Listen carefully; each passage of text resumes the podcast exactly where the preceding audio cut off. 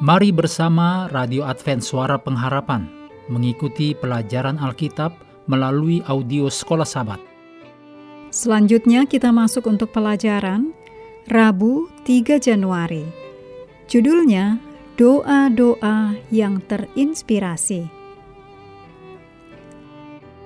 Mari kita mulai dengan doa singkat yang didasarkan dari Efesus 1 ayat 18 dan supaya ia menjadikan mata hatimu terang, agar kamu mengerti.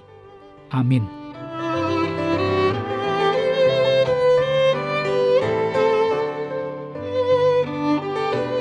Dalam 2 Samuel 23 ayat 1 dan 2 dan Roma 8 ayat 26 dan 27, ayat-ayat ini mengajarkan kepada kita tentang doa. Kitab Mazmur adalah doa-doa yang terinspirasi dan pujian dari Israel. Dan karenanya dalam kitab Mazmur adalah suara Tuhan yang bercampur dengan suara umatnya. Kitab Mazmur mengasumsikan dinamika interaksi yang hidup dengan Tuhan.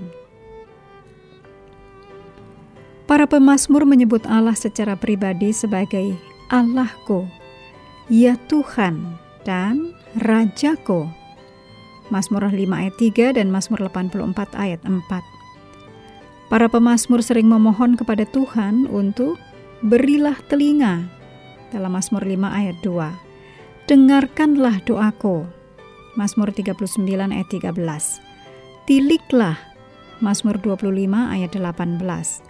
Menjawab aku. Mazmur 102 ayat 3. Dan selamatkanlah aku. Mazmur 6 ayat 5. Ini jelas ungkapan seseorang yang berdoa kepada Tuhan. Keindahan dan daya tarik yang luar biasa dari kitab Mazmur sebagai doa dan pujian terletak pada fakta bahwa kitab Mazmur adalah firman Tuhan dalam bentuk doa dan pujian yang saleh dari orang-orang beriman. Oleh karena itu, kitab Mazmur memberi anak-anak Allah saat-saat keintiman seperti yang dijelaskan dalam Roma 8 ayat 26 dan 27. Demikian juga roh membantu kita dalam kelemahan kita, sebab kita tidak tahu bagaimana sebenarnya harus berdoa. Tetapi roh sendiri berdoa untuk kita kepada Allah dengan keluhan-keluhan yang tidak terucapkan.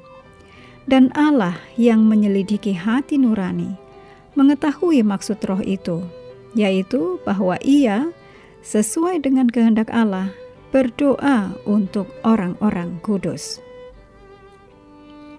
Yesus juga mengutip dari kitab Mazmur. Seperti dalam Lukas 20 ayat 42 dan 43. Ketika Yesus mengutip langsung dari Mazmur 110 ayat 1.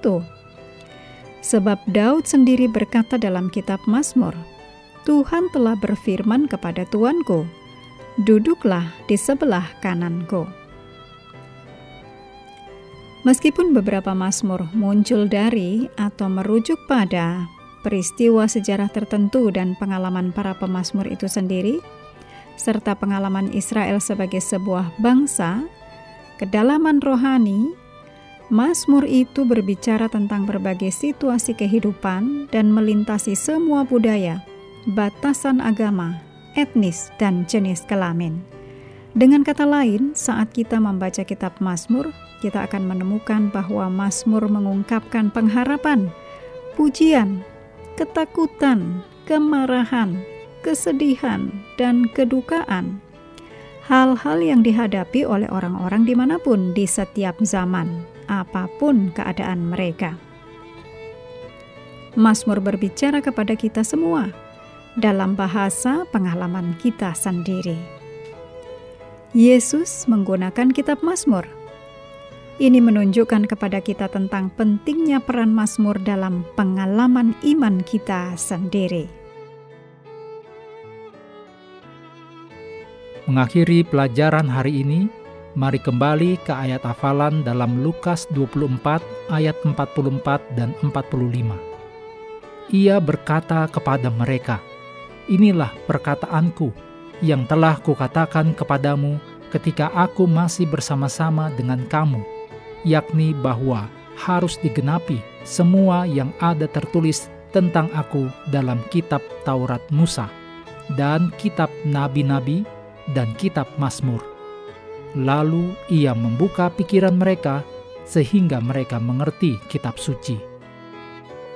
Kami terus mendorong Anda mengambil waktu bersekutu dengan Tuhan setiap hari, baik melalui renungan harian, pelajaran sekolah sahabat, juga bacaan Alkitab sedunia, percayalah kepada nabi-nabinya, yang untuk hari ini melanjutkan dari Yesaya 41.